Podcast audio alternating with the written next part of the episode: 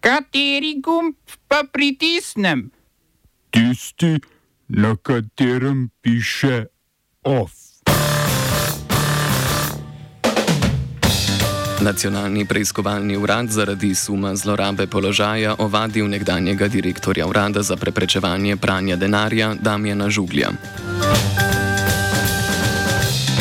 Upravno sodišče ugodilo pritožbi občine Vrhnika in odpravilo odločitev vlade, ki je Kemisu omogočala nemoteno predelovanje nevarnih odpadkov.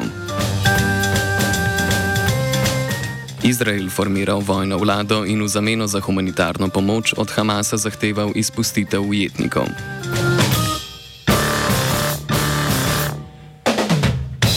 Armenija na meddržavnem sodišču Združenih narodov zahteva umik azerbajdžanske vojske iz Gorskega Karabaha.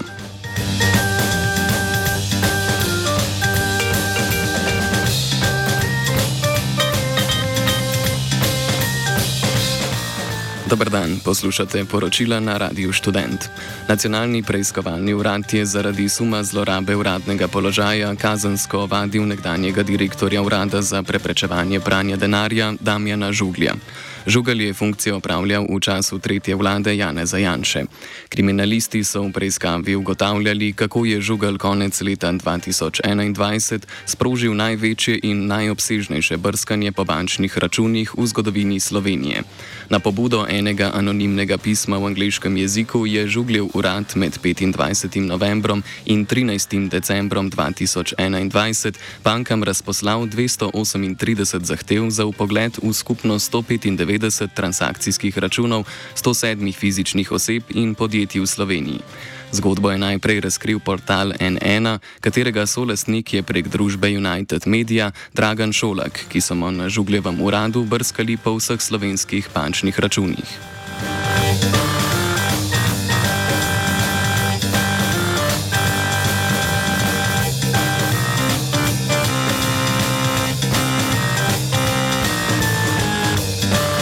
Upravno sodišče je ugodilo pritožbi občine Vrhnika in odpravilo odločitev vlade, ki je zavrgla pritožbo občine v postopku spremembe okoljevarstvenega dovoljenja, začetega na pobudo podjetja Kemis.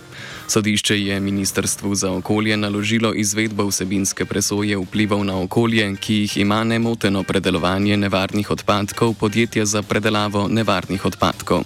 Na vrhniški občini opozarjajo, da Kemis obratuje pod enakimi pogoji kot pred eksplozijo leta 2017 in pri tem nima interesa, da bi se presodila skladnost njegovega delovanja. Pred mesecem dni je v enem od zabojnikov Kemisa s plastiko znova zagorelo, a je vrhniška civilna zaščita sporočila, da ni nevarnosti za okolico. Požar leta 2017 pa je onesnažil potok Tojnica. Na občini se sklicujejo na dve odločbi vrhovnega sodišča, v katerih je ugotovilo, da ima država dolžnost in pooblastila ukrepati in ne čakati na dobro voljo onesnaževalcev, da zahtevajo presojo lastnega obratovanja.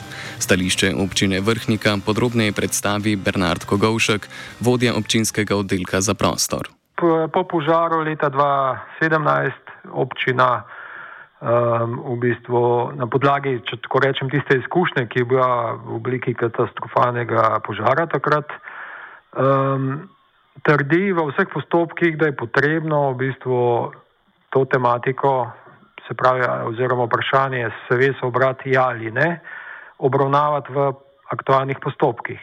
In do sedaj nismo bili uslišani, tako da sodišče je potem, ko je zadeva prišla na pravno sodišče, presodilo, da je potrebno postopek vrniti nazaj.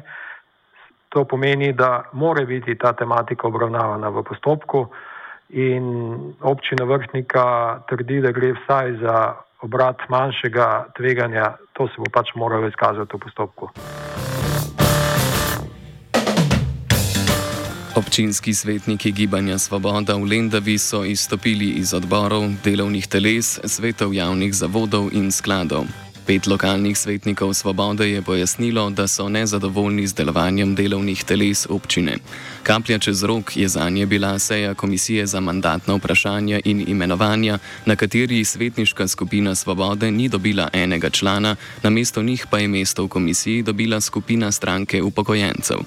Svetnik Dejan Sič je dodal, da so eden glavnih razlogov za izstop svetnikov Svobode projekti, ki jih parlamentarna preiskovalna komisija zdaj županu očita kot domnevno koruptivne. Po Sičevih besedah so ti projekti. Ti projekti nimajo realnih denarnih postavk, je pa velika količina denarja že bila počrpana in izplačana za pripravo projektnih dokumentacij. Lendavski župan Janez Mađar iz Slovenske demokratske stranke je izstop svetnikov svobode označil kot otročje in neresno vedenje.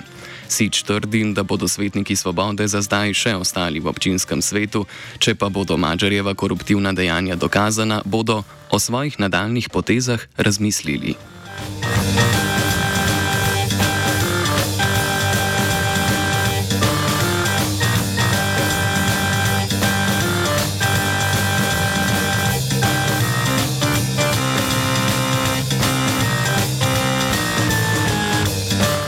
Državni svet je sklenil na ustavno sodišče nasloviti zahtevo za začetek postopka za oceno ustavnosti 146. člena gradbenega zakona.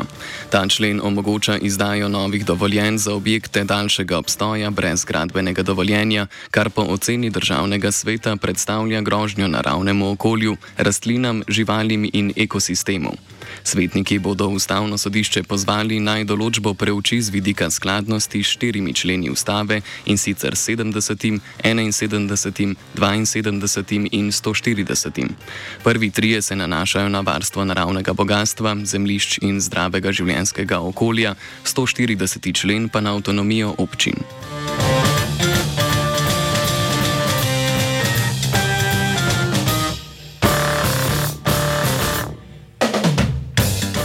Člani državno-zborskega. Člani državno-zborskih odborov za gospodarstvo in za infrastrukturo so se na skupni seji zavzeli za izvedbo referenduma o gradnji drugega bloka jedrske elektrarne Krško, krajše JEK-2. Člani odborov so na predlog poslanskih skupin Gibanja Svoboda in socialnih demokratov sprejeli sklep, da odbora podpirata pospešitev aktivnosti glede drugega bloka. V gen energiji so po besedah vodje tehničnega sektorja Bruna Glaserja trenutno osredotočeni na začetek postopka priprave državnega prostorskega načrta, kar bi lahko izvedli do naslednjega leta. Glaser dodaja, da ciljajo na sprejetje končne investicijske odločitve do leta 2028, predtem pa bi bilo treba izvesti referendum o gradnji.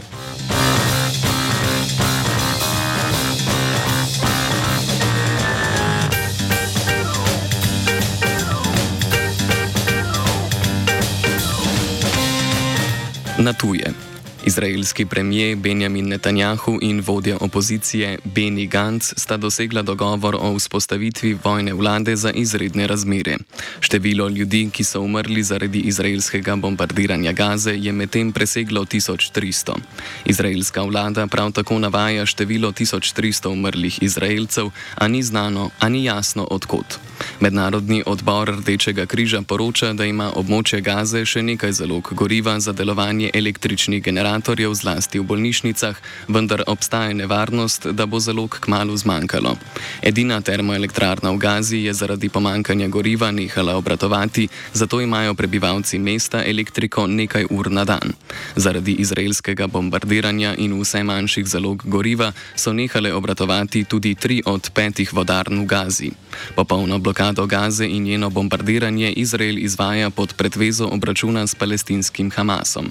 Izraelski minister za energetiko Izrael Kac je zatrdil, da bodo na območju Gaze ponovno omogočili dostop do elektrike, goriva in vode šele potem, ko Hamas izpusti ujetnike. Izraelska vojska trdi, da je potrdila identitete 97 ujetnikov Hamasa.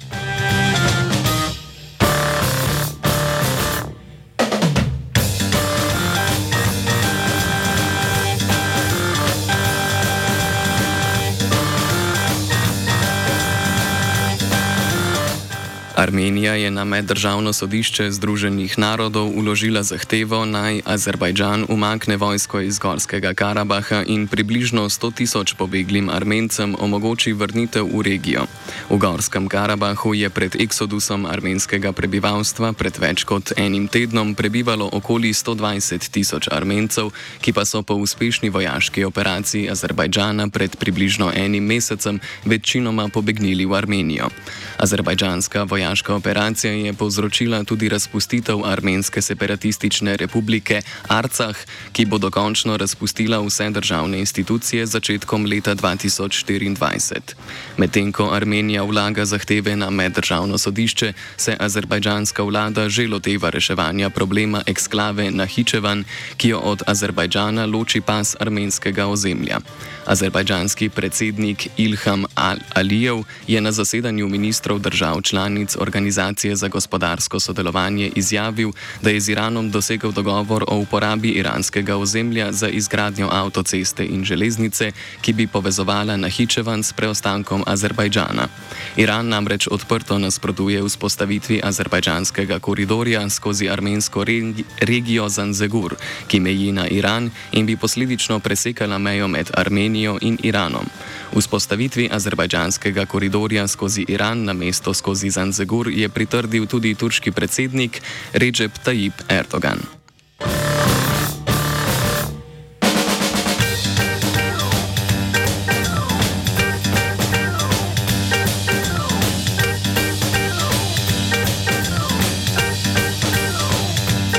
OF je pripravil Jovan Opušek.